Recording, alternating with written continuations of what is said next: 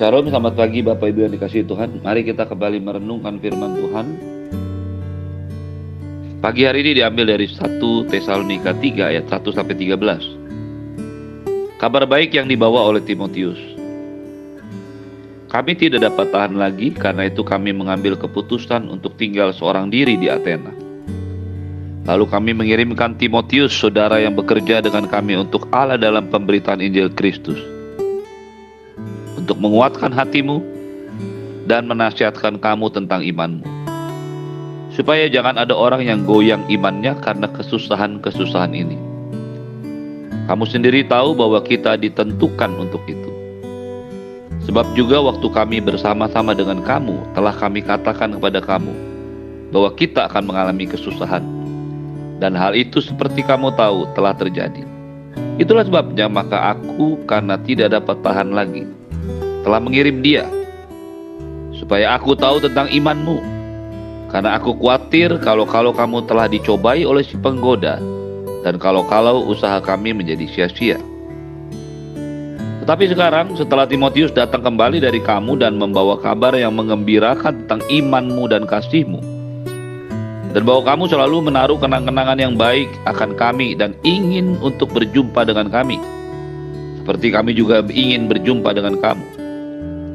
Maka kami juga saudara-saudara dalam segala kesesakan dan kesukaran kami menjadi terhibur oleh kamu dan oleh imanmu. Sekarang kami hidup kembali asal saja kamu teguh berdiri di dalam Tuhan. Sebab ucapan syukur apakah yang dapat kami persembahkan kepada Allah atas segala sukacita yang kami peroleh karena kamu di hadapan Allah kita? Siang malam kami berdoa sungguh-sungguh supaya kami bertemu muka dengan muka dan menambahkan apa yang masih kurang pada imanmu Kiranya dia, Allah dan Bapa kita, dan Yesus Tuhan kita, membukakan kami jalan kepadamu. Dan kiranya Tuhan menjadikan kamu bertambah-tambah dan berkelimpahan dalam kasih seorang terhadap yang lain, dan terhadap semua orang, sama seperti kami juga mengasihi kamu. Kiranya dia menguatkan hatimu supaya tidak bercacat dan kudus di hadapan Allah dan Bapa kita pada waktu kedatangan Yesus Tuhan kita dengan semua orang kudus.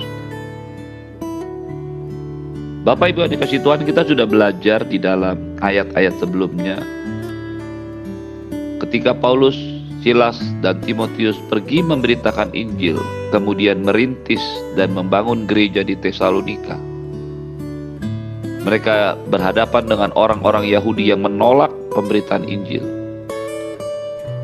Mereka menganiaya, mereka membuat kesusahan bukan hanya Paulus, tetapi juga seluruh jemaat yang ada di kota Tesalonika. Keadaan yang semakin buruk memaksa Paulus untuk meninggalkan kota Tesalonika pergi ke Beria pada waktu malam. Hal ini tentu saja memberikan sebuah gambaran betapa sulitnya, betapa susahnya aniaya tekanan yang dialami oleh jemaat di Tesalonika. Sehingga Paulus harus pergi, terpaksa pergi meninggalkan mereka dan pindah ke kota yang lain. Kerinduan kasih Paulus kepada jemaat di Tesalonika membuat dia ingin dan berusaha untuk berkali-kali datang ke kota Tesalonika kembali. Tetapi sampai dia menuliskan surat ini, hal itu tidak terjadi. Kerinduan dan kasih Paulus yang besar akan jemaat di Tesalonika membuat dia menuliskan pasal yang ketiga ayat yang pertama yang kita baca tadi kami tidak dapat tahan lagi. Karena itu kami mengambil keputusan untuk tinggal seorang diri di Athena, lalu kami mengirim Timotius, saudara yang bekerja dengan kami untuk Allah dalam pemberitaan Injil Kristus. Ketika akhirnya Paulus melihat kesempatan demi kesempatan belum terbuka bagi dia untuk pergi ke Tesalonika, maka dia memutuskan untuk mengirimkan Timotius dan tentu saja Silas Hal ini berakibat Paulus harus tinggal seorang diri di kota Athena. Paulus harus melayani dan mencukupkan kebutuhannya sendiri. Dia harus pergi melayani sendiri di kota Athena. Dan ini tentu saja menyulitkan karena Athena adalah pusat filsafat, pusat di mana banyak filsuf-filsuf Yunani tinggal kota yang lebih besar daripada Tesalonika. Mengapa dia tetap mengutus Timotius dan Silas ke Tesalonika sementara dia tinggal seorang diri di Athena?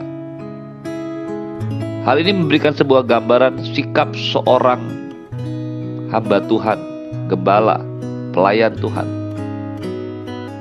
Seorang pelayan Tuhan, gembala, pemberita firman, haruslah orang-orang yang melayani jemaat dengan sungguh-sungguh lebih daripada dia berpikir tentang kebutuhan atau kerepotan dirinya sendiri. Paulus mengasihi jemaat di Tesalonika.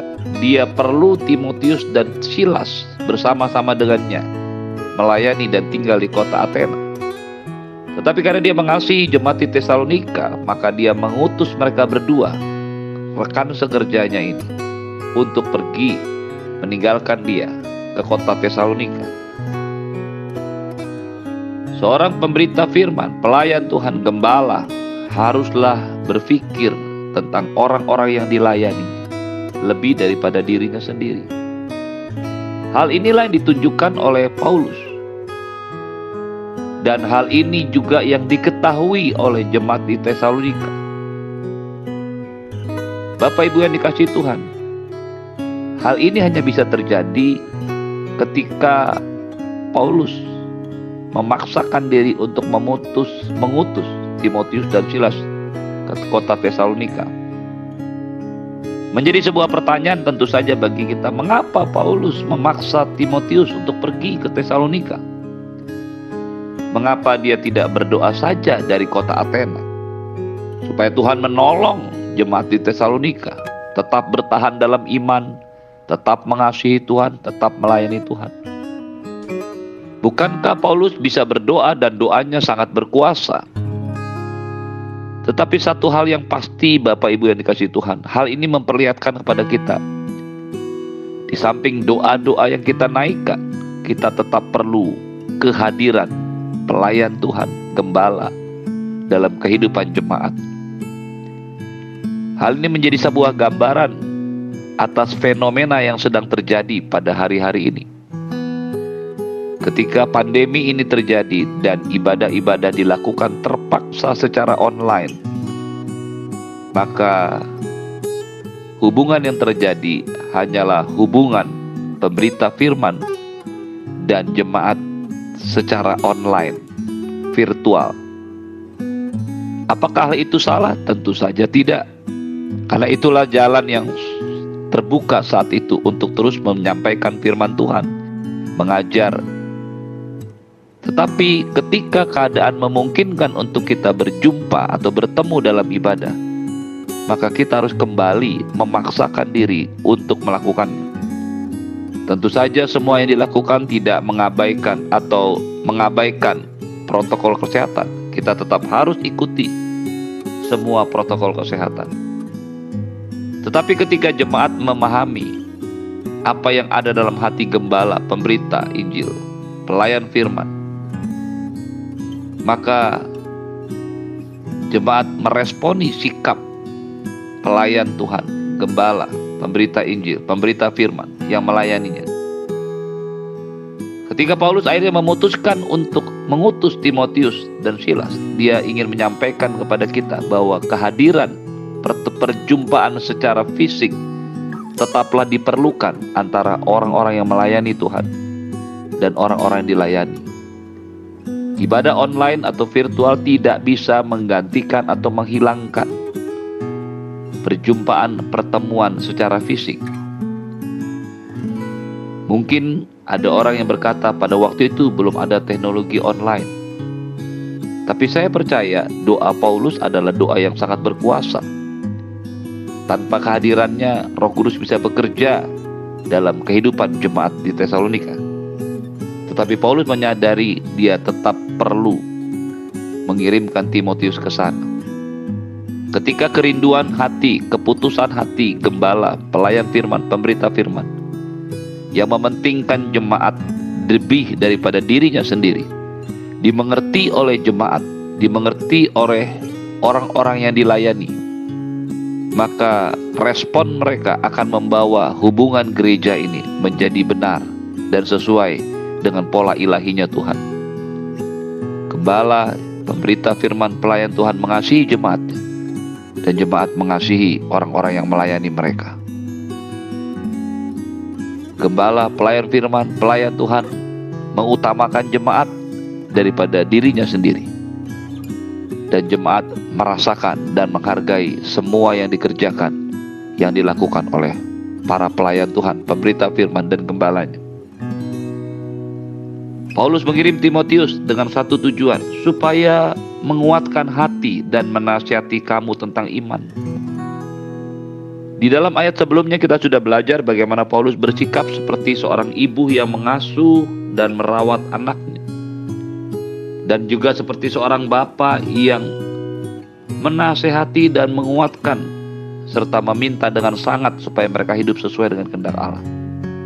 Kehadiran bapak dan ibu rohani ini sangat penting bagi pertumbuhan rohani orang-orang yang dilayani jemaat Tuhan. Paulus mengirim Timotius untuk menasehati dan menguatkan, untuk menguatkan dan menasehati. Ada jemaat yang perlu dikuatkan, ada jemaat yang perlu dinasehati. Kata menasehati di dalamnya terkandung bukan hanya kata-kata pujian, sanjungan, atau motivasi, tetapi harus juga merupakan sebuah teguran, peringatan.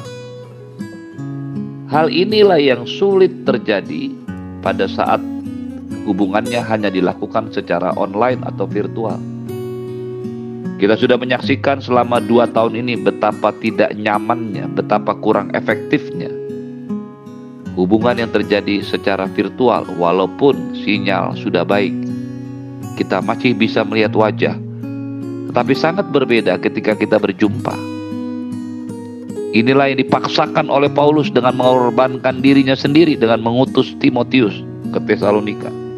Supaya Timotius dapat menasihati, menguatkan.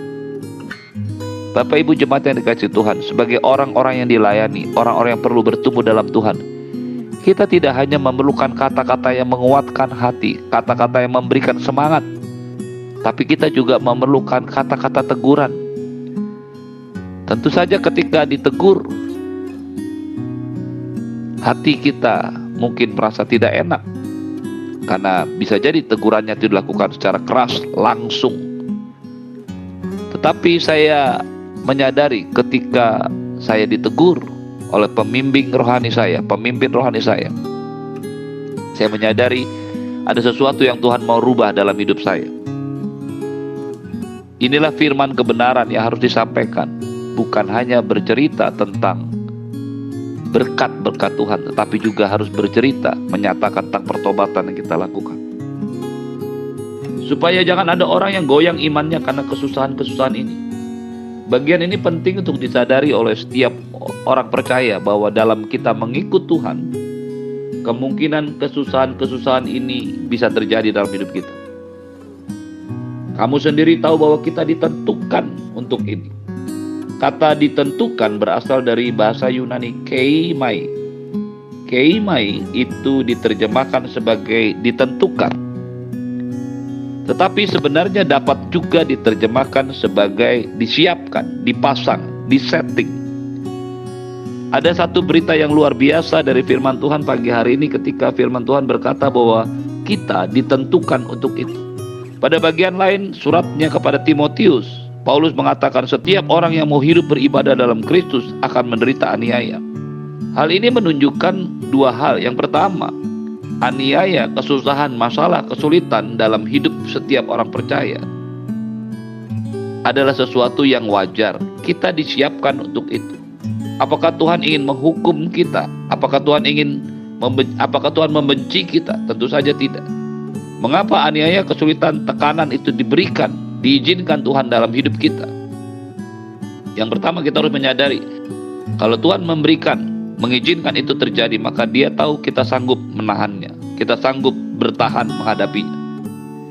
Pencobaan-pencobaan yang kamu alami ami adalah pencobaan-pencobaan biasa tidak melebihi kekuatan manusia. Sebab Allah setia dan karena itu ya tidak akan dibiar, membiarkan kamu dicobai melampaui kekuatanmu. Bapak Ibu yang dikasihi Tuhan, ketika kesulitan, tekanan, masalah terjadi dalam hidup kita, dan kita ditentukan untuk itu, maka Allah sudah menyiapkan segala sesuatunya. Allah sudah menguatkan Anda dan saya. Allah sudah men-settingnya begitu rupa sehingga Anda dan saya akan keluar sebagai pemenang. Jangan pernah menghindari masalah, tekanan, persoalan dalam hidup. Hadapilah dengan iman. Hadapilah dengan satu kebenaran firman Tuhan bahwa Anda dan saya disiapkan untuk itu. Jangan menyerah karena tekanan, jangan menyerah karena kesulitan. Mari kita berhadap, mari kita menghadapinya bersama-sama. Karena kita tahu ada kekuatan Tuhan yang bersama-sama dengan kita. Ada pengurapan Tuhan, ada firman Tuhan yang akan menjaga Tuhan. Ada gembala, ada orang-orang pelayan Tuhan yang berdoa bagi Anda. Pastikan Anda dan saya terus melangkah, terus melayani Tuhan, terus menyembah Tuhan, terus mengasihi Tuhan, terus membaca dan merenungkan firman Tuhan, terus melakukan semuanya sampai pada hari kedatangannya. Terimalah berkat yang berlimpah dari Bapa di surga, cinta kasih dari Tuhan Yesus, penyertaan yang sempurna daripada Roh Kudus. Di dalam nama Yesus semua yang percaya katakan, Amin. Shalom.